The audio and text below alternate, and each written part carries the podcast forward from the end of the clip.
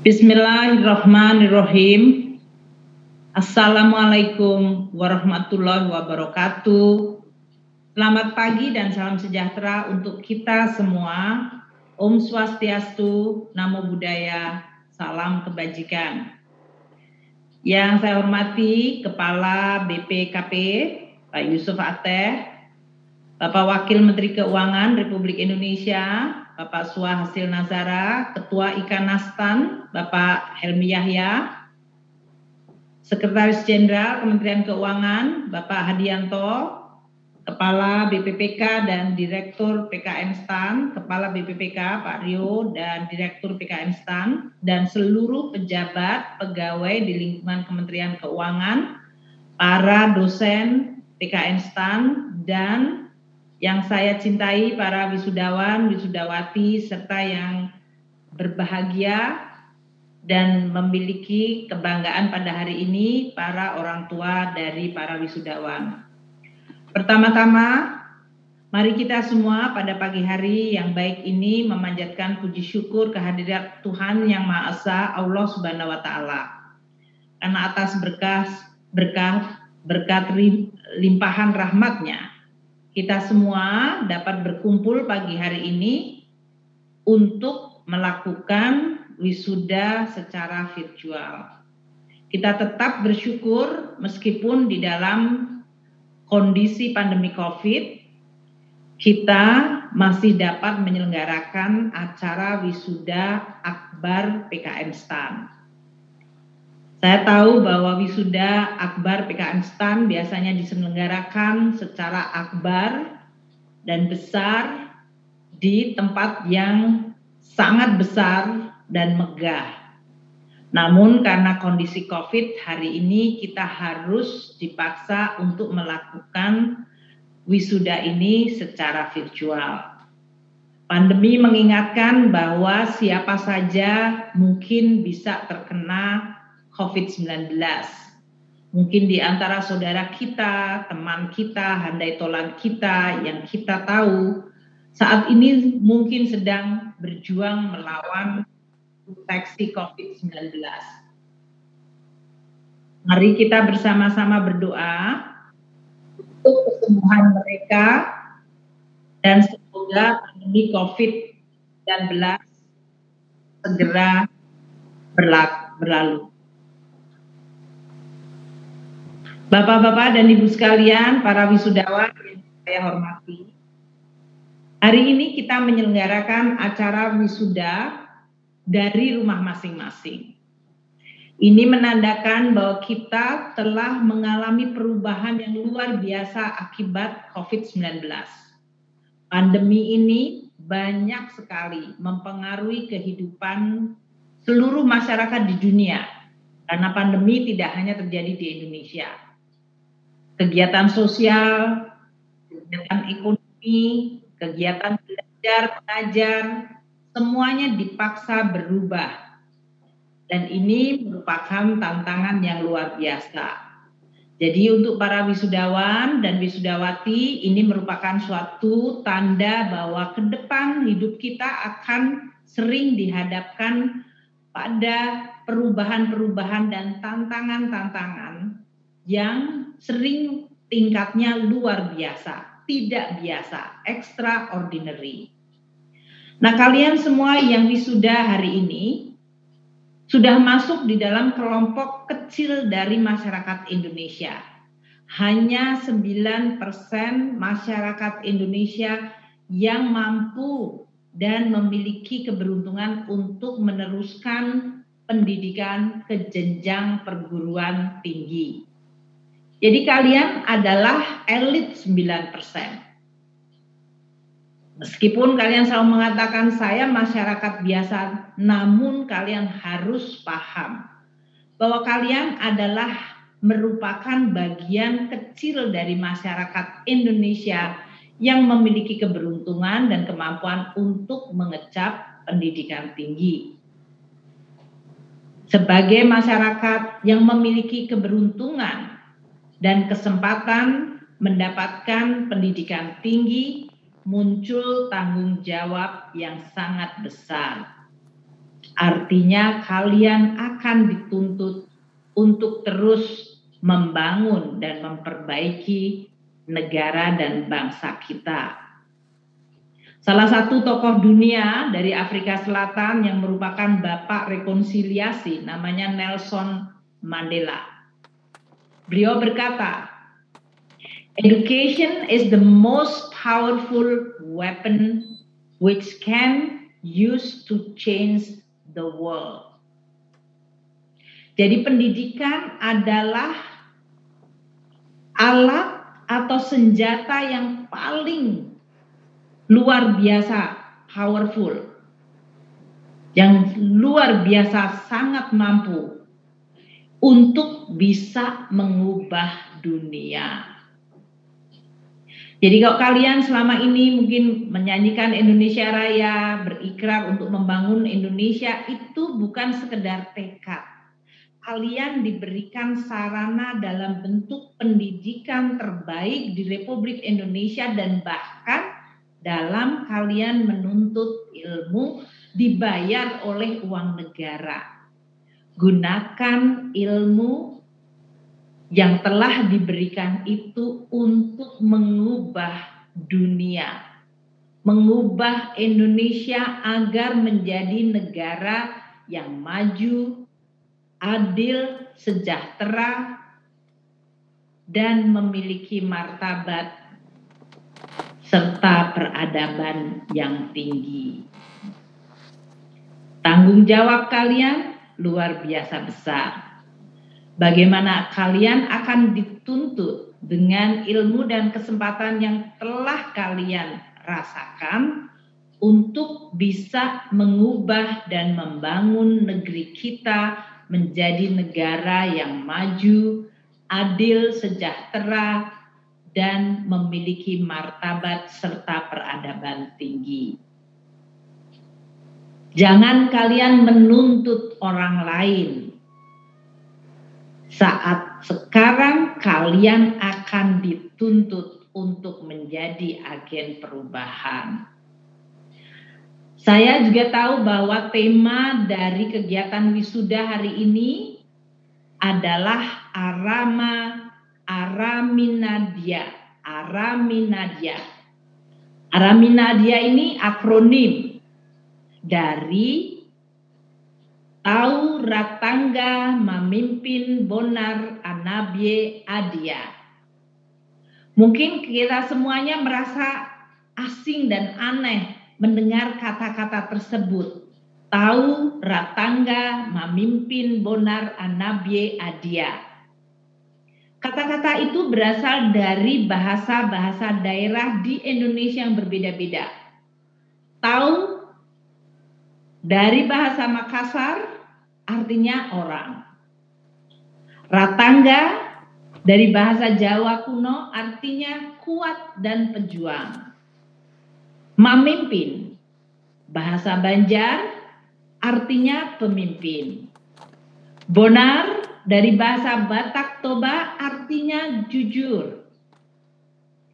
Anabye dari bahasa Biak Papua artinya berbudi baik. Dan adia dari bahasa Minang artinya adil. Jadi tema wisuda hari ini adalah tema yang diangkat dari kata-kata daerah di Indonesia, bahasa daerah di Indonesia yang berbeda-beda, yang kita mungkin mendengarnya asing, janggal, aneh, namun begitu kita bisa menerjemahkan dalam satu pengertian definisi yang kita pahami, kata-kata itu tersusun menjadi sebuah kalimat yang penuh dengan makna dan harapan. Ini menyimpulkan kita semuanya tadi harapannya agar anak-anak yang di wisuda hari ini akan menjadi pemimpin yang kuat, jujur, berbudi baik, dan adil. Tema ini juga menggambarkan betapa kayanya kebinekaan dari suku bangsa di Indonesia. Dan itu sesuai apa yang difirmankan oleh Sang Pencipta, Allah Subhanahu wa taala Tuhan yang Maha Esa. Bahwa saya ciptakan manusia ini dalam berbeda, berbangsa-bangsa dan bersuku-suku agar saling mengenal. Kebinekaan adalah keniscayaan karena itu adalah desain dari Allah Subhanahu wa taala.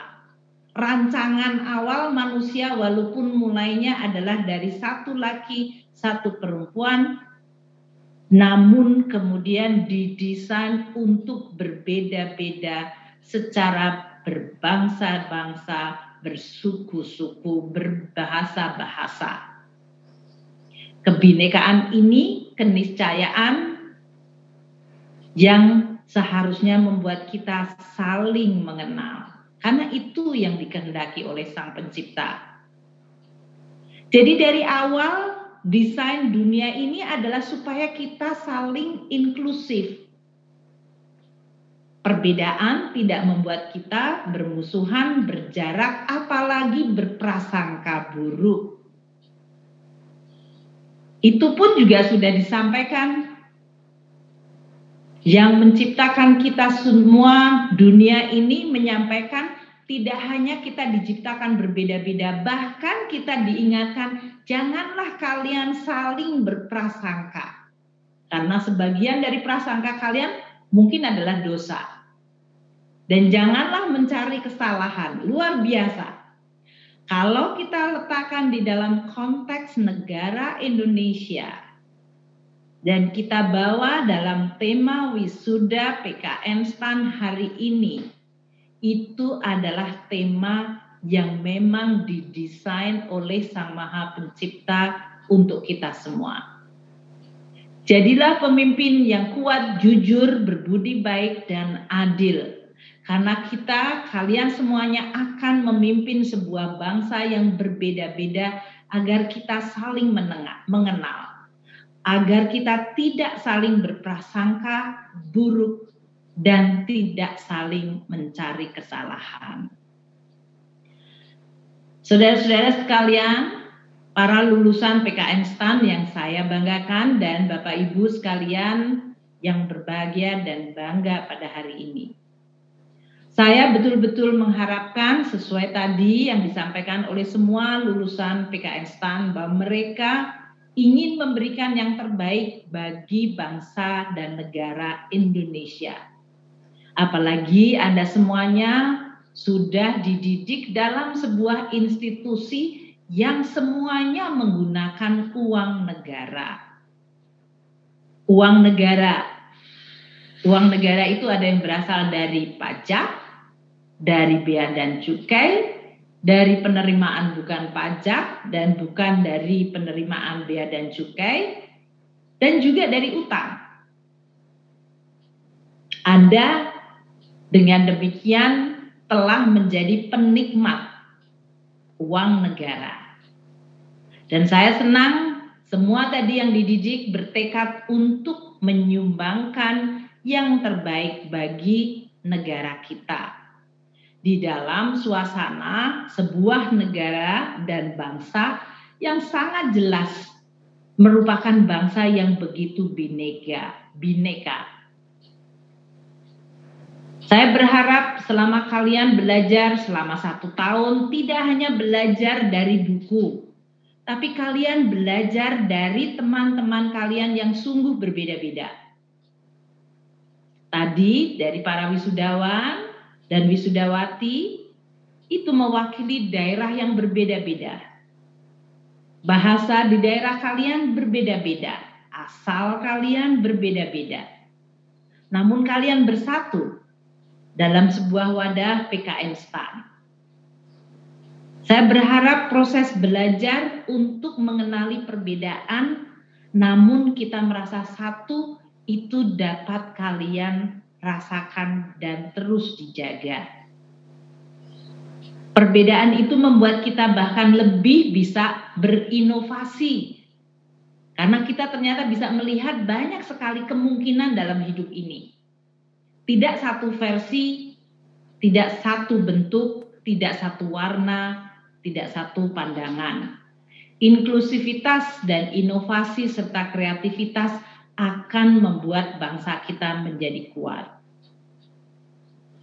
Nah, mari kita masuk ke dalam tantangan yang kalian hadapi. Tadi salah satu wisudawan menyampaikan, Ibu, saya sudah belajar tidak hanya hard skill tapi juga soft skill. Saya senang karena Anda tadi yang program D3 yang alih dan yang asli semuanya memiliki kesempatan yang sama yaitu kalian akan segera masuk dunia kerja atau bahkan sudah masuk dunia kerja. Pertama, tentu kalian akan dituntut untuk menggunakan ilmu yang kalian sudah pelajari. Tadi dari tata peradaban, etika, sopan santun, kalian menyampaikan terima kasih kepada para pengajar, para dosen. Itu adalah suatu adab yang baik. Selalu tahulah dan pahamlah untuk bersyukur dan berterima kasih. Karena itu adalah sikap soft skill yang sangat penting bagi Anda untuk bisa menjalani kehidupan di dalam dunia kerja. Banyak orang yang IPK-nya tinggi namun dia tidak sukses bekerja karena dia tidak memiliki soft skill yang baik. Banyak contoh, termasuk wisudawan STAN. Yang waktu lulus dia termasuk terbaik, tapi kemudian tergelincir atau dia tidak sukses. Karena dia berhenti hanya menjadi wisudawan terbaik, tapi tidak kemudian belajar dan terus menimba ilmu. Dia tidak mempertajam berbagai skill atau keterampilan lain agar dia mampu bisa terus memberikan yang terbaik. Pesan saya kepada Anda semuanya, jangan berpuas diri meskipun mungkin Anda adalah wisudawan terbaik. Tadi telah disampaikan oleh Direktur STAN bahwa hari ini lulusan dari PKM STAN 3231 70 persennya adalah lulus dengan pujian. Luar biasa. Anda semuanya berasal dari keluarga yang luar biasa, dididik oleh orang tua kalian luar biasa, masuk ke PKN STAN, dan Anda tetap bisa menjaga menjadi lulusan dengan predikat pujian.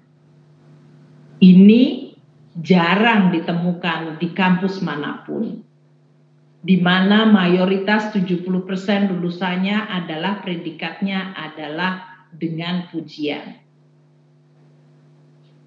Namun jangan kalian jumawa, jangan arogan, jangan tinggi hati, jangan sombong. Mungkin hari ini kita ada di tempat yang terbaik, Coba kita pergi keliling dunia, maka kita tahu Indonesia masih perlu untuk kita bangun dan membutuhkan pemikiran, dedikasi, skill Anda yang luar biasa untuk bisa kita menjadi bangsa yang maju.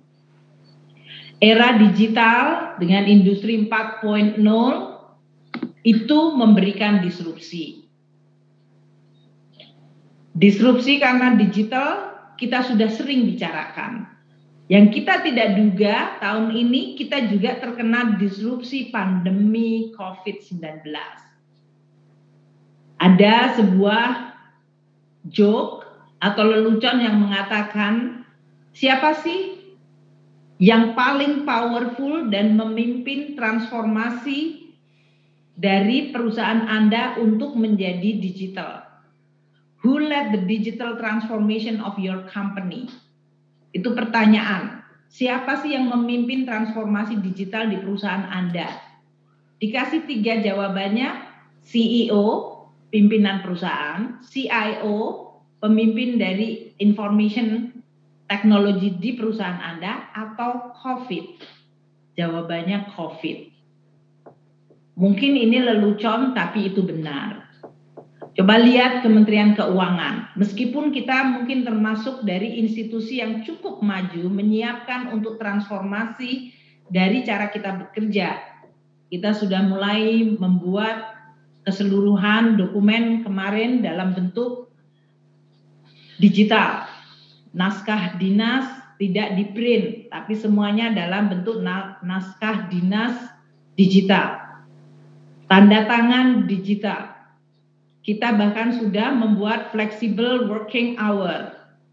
Namun itu masih dalam tahap permulaan dan percobaan. Tiba-tiba kita dihadapkan oleh COVID-19 yang memaksa kita untuk tidak masuk kantor. Namun kita harus tetap bekerja. Bahkan kita ditantang karena COVID itu menimbulkan dampak luar biasa bagi bangsa kita yang kemudian imbasnya ke keuangan negara luar luar biasa. Penerimaan pajak kita turun karena perusahaan-perusahaan mengalami kerugian. Jangankan mereka bisa beroperasi, mereka tutup. Selain tutup, mereka juga bahkan harus menanggung biaya. Banyak dari sebagian masyarakat kita kehilangan pekerjaan Masyarakat kita yang usaha kecil menengah juga tidak bisa. Warung-warung Tegal yang biasanya makanan yang menjual di sekitar sekolah, di sekitar kantor, mereka tidak ada lagi yang membeli. Tidak hanya satu minggu, tidak hanya satu bulan, ini sudah bulan ketujuh. Jadi ini merupakan suatu tantangan yang luar biasa yang mengubah secara luar biasa cepat dan harus kita bisa atasi. Maka saya berharap bahwa pelajaran akibat COVID-19 yang memaksa kita untuk bertransformasi memberikan pelajaran luar biasa. Waktu kita diberikan tantangan dan dipaksa berubah, kita mampu melakukan penyesuaian. Inilah yang disebut skill yang kalian harus miliki Jangan jadi manusia yang kemudian tidak bisa melihat perubahan atau bahkan merubah diri kita sendiri untuk menjadi lebih baik. Karena dunia pasti akan berubah. Oleh karena itu, saya berharap kalian yang sudah belajar satu tahun di PKN STAM, tiga tahun, kalian terus mengasah keterampilan baik ilmu kalian maupun personality kalian, karakter kalian. Tingkatkan kemampuan berkomunikasi, communication skill. Tingkatkan kalian keterampilan berorganisasi, organizational skill. Tingkatkan leadership kalian. Meskipun kalian tidak punya anak buah karena kalian sekarang mau bahkan menjadi anak buah. Kalian belum menjadi atasan namun leadership skill itu penting. Yang penting adalah memimpin diri kalian sendiri. Karena yang paling sulit ditundukkan adalah diri kita sendiri. Maka pimpinlah diri kalian sendiri sehingga Anda nantinya bisa memimpin orang lain. Menjadi manusia yang tidak mudah menyerah. Menjadi manusia yang daya juangnya tidak pernah redup. Resilient, perseverance itu penting. Karena kadang-kadang tantangan dan cobaan itu tidak berjalan dalam waktu singkat. Kalian belajar satu tahun, kalian belajar tiga tahun, kalian bekerja nanti bertahun-tahun, maka kalian harus memiliki kemampuan untuk terus memiliki daya juang, daya tahan, dan bahkan memiliki energi untuk berinovasi dan menjadi pemenang. Itulah yang saya harapkan untuk seluruh lulusan wisudawan dan wisudawati dari PKN STAN. Saya senang bahwa kalian semuanya adalah generasi milenial yang mewakili kualitas generasi milenial yang baik, cerdas, memiliki ambisi yang baik, dan tekad yang mulia. Namun generasi milenial sering juga dicirikan bahwa kalian cepat bosan atau kurang tahan terhadap tekanan. Buktikan bahwa itu salah. Karena yang akan menjadikan kalian sukses bukan hanya IPK kalian yang tertinggi, tapi kemampuan kalian untuk terus melakukan adaptasi, mampu bertahan, mampu untuk terus fokus menjalankan komitmen, walaupun kadang-kadang situasi tidak menyenangkan. Kita sering dihadapkan waktu kalian menjalankan tugas, teman-teman di Bea Cukai menjalankan tugas melayani masyarakat, masih juga bisa dicaci maki. Ini bikin susah aja Bea Cukai meriksa-meriksa kayak nggak percaya. Kalian nanti yang bekerja di pajak, bekerja dengan dedikasi tinggi tekad untuk mengumpulkan pajak bagi uang negara, kalian tidak akan diterima kasihi. Bahkan sering kalian dicurigai atau juga bahkan menjadi sasaran caci maki. Jadi jangan pernah punya ilusi dan bayangan kalau saya sudah IPK-nya bagus, kerja bagus sekali, dedikasi, kalian akan dipuja-puji. Tidak juga. Itulah komitmen ketahanan mental kalian. Jangan berkecil hati.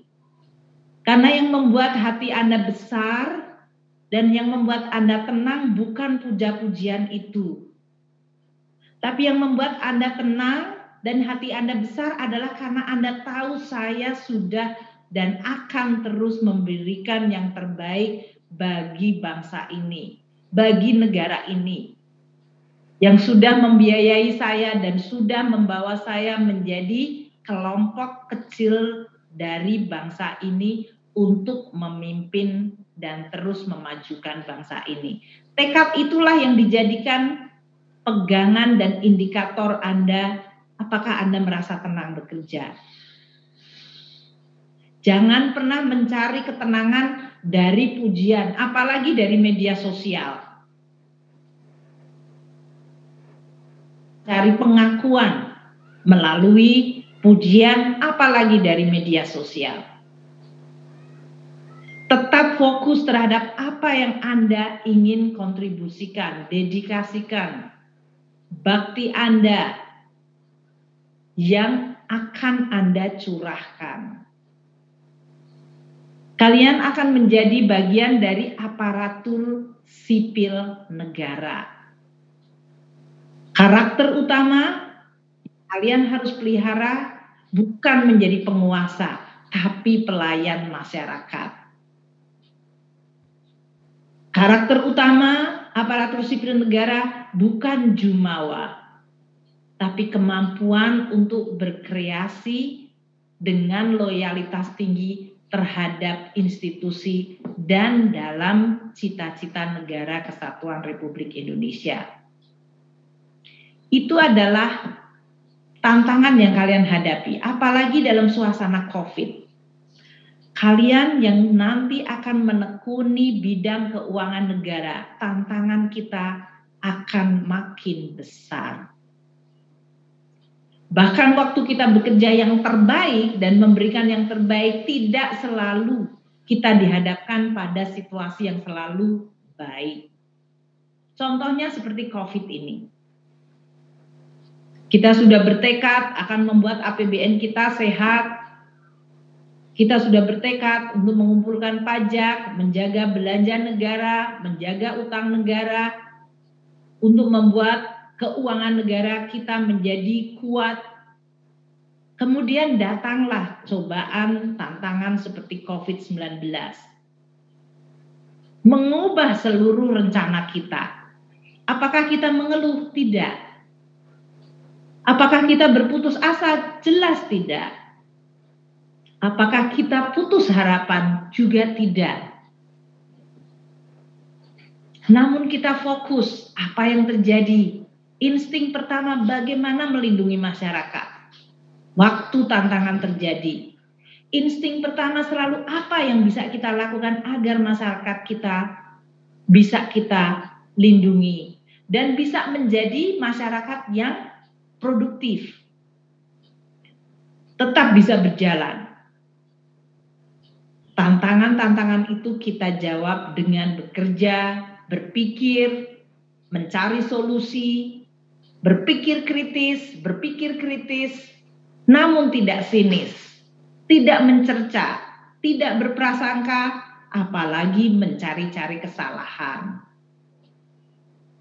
Jadi ikhtiar kehusyukan kita untuk bekerja, beribadah, dan keinginan untuk mencari solusi dengan berpikir kritis tidak berarti kalian akan menjadi manusia yang sinis, yang sok tahu, yang arogan, dan kemudian berprasangka dan bahkan menyalah-nyalahkan orang.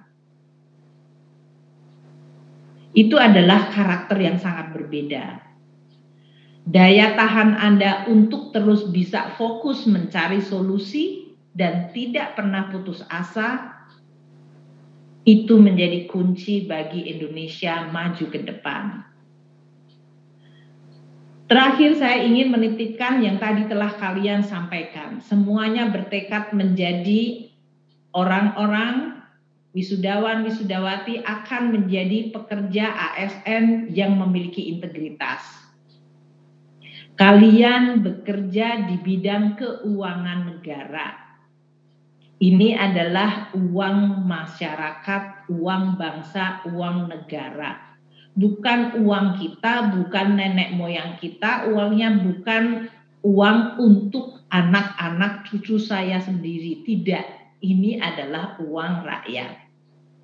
Namun itu adalah uang. Uang adalah godaan yang besar. Dia bisa menjadi sarana untuk kita mencapai tujuan namun dia bisa menjadi godaan yang nyata. Dan banyak cerita manusia di dunia tergelencir karena godaan uang. Banyak, banyak sekali, sangat banyak sekali. Jadi kalau kalian sekarang memiliki tekad untuk menjaga integritas itu simpanlah di dalam pikiran dan hati kalian. Tekad itu disimpan, dipelihara, setiap hari diperbarui. Kalau kalian makhluk yang beragama dan pasti berdoa, setiap doa kalian ingatkan kembali diri kalian sendiri, memimpin diri sendiri. Ingatkan, ya Allah, ya Tuhan, jagalah hati pikiran saya untuk tetap tidak tergoda kepada uang karena kalian bekerja di bidang keuangan negara. Integritas itu sesuatu yang tidak boleh diperjualbelikan. Integritas itu adalah sesuatu yang menggambarkan karakter Anda. Kalau kalian menjual integritas Anda, kalian tidak lagi berharga Meskipun nanti mungkin menghadapi kemungkinan akan diberikan uang sogokan, nilainya bisa jutaan, bisa puluhan juta, bisa ratusan juta, bahkan bisa bikin bisa miliar. Namun itu tidak diperjualbelikan. Nilai jutaan, puluhan juta, ratusan juta miliar itu menjadi tidak ada harganya begitu Anda menjual integritas Anda. Anda menjadi tidak punya nilai. Ironis, namun itu benar. Jadi pelihara, peliharalah integritas Anda. Dan saya senang tadi kalian semuanya menyampaikan terima kasih kepada orang tua, kepada pengajar, itu adalah nilai-nilai etika dan moralitas kalian. Jaga sopan santun dan etika. Karena orang hidup tidak hanya berdasarkan aturan hukum, tapi juga berdasarkan moralitas dan etika. Integritas, etika, moralitas itu kalian jaga dengan hati-hati dan sepenuh hati karena dia adalah yang menggambarkan aset terbaik dari manusia. Pendiri bangsa kita, Bung Hatta, pernah mengatakan,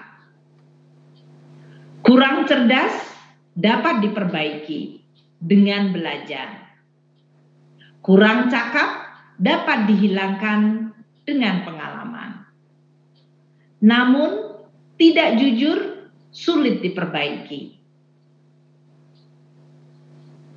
Jadi kalian tahu bahwa kalau sekarang kalian dibekali dari orang tua kalian menjadi anak-anak yang jujur, belajar di PKN STAN, dan memiliki komitmen ikrar untuk menjadi manusia yang profesional dan berintegritas, kejujuran itu adalah aset atau harta yang luar biasa penting di dalam kehidupan kalian selanjutnya.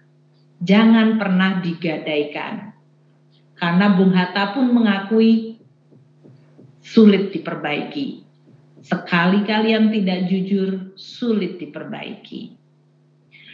Nah, inilah yang saya harapkan kepada kalian semuanya, para anak-anakku yang barusan lulus, jadilah wisudawan, wisudawati yang akan menjadi kebanggaan orang tua, menjadi kebanggaan dan harapan bangsa kita dan tentu bagi Kementerian Keuangan merupakan lulusan-lulusan yang akan menjaga keuangan negara dan terus meningkatkan keuangan negara bagi kemakmuran rakyat yang berkeadilan.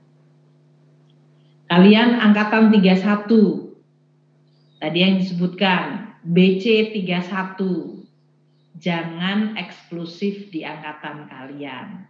Kalian sekarang menjadi keluarga pengelola keuangan negara di Indonesia. Sebuah keluarga besar yang memiliki tugas, fungsi, dan tanggung jawab luar biasa penting. Jagalah amanah itu sampai maut menjemput kalian. Saya ingin menyampaikan sebagai penutup kepada seluruh seluruh panitia dan sivitas akademika PKN STAN yang sudah menyelenggarakan acara wisuda akbar PKN STAN secara daring. Dan ini untuk pertama kalinya di dalam sejarah PKN STAN dan berjalan sangat baik. Saya ingin menyampaikan terima kasih dan penghargaan atas kerja kerasnya. Untuk seluruhnya, para wisudawan, Wisudawati, kalian jadilah generasi yang optimis. Generasi yang percaya diri, generasi yang mampu memberikan jawaban untuk terus membawa obor kemajuan bagi Republik Indonesia. Jangan menjadi generasi yang negatif, yang sinis, berkeluh kesah. Dalam perjalanan hidup, kalau Anda melihat kekurangan, perbaiki. Tidak usah mengeluh. Apalagi ngomel. Apalagi mencaci-nyaci. Apalagi menjelek-jelekkan dan mencaci di media sosial. Jadi generasi yang kritis tanpa menjadi sinis. Jadi generasi yang positif dan konstruktif bukan yang destruktif. Sehingga di tangan kalianlah seluruh proses perbaikan dan pembangunan Republik Indonesia akan terus berjalan. Percayalah, tidak ada negara, tidak ada negara di dunia ini yang sempurna. Tidak ada negara di dunia ini yang tidak ada masalah. Saya tahu itu karena saya pernah menjadi managing director dari Bank Dunia dan saya mengunjungi ratusan negara di dunia. Ya, jadi jangan pernah berkeluh kesah. Mencaci-caci, menjelek-jelekkan, apalagi menjelekkan negara sendiri. Jadi patriot Patriot itu memberikan yang terbaik dengan kebanggaan, tanpa arogan. Berikan yang terbaik bagi Indonesia karena Indonesia berhak untuk mendapatkan itu. Dan saya tutup untuk Anda semuanya, jangan pernah lelah mencintai Republik Indonesia. Terima kasih. Wassalamualaikum warahmatullahi wabarakatuh.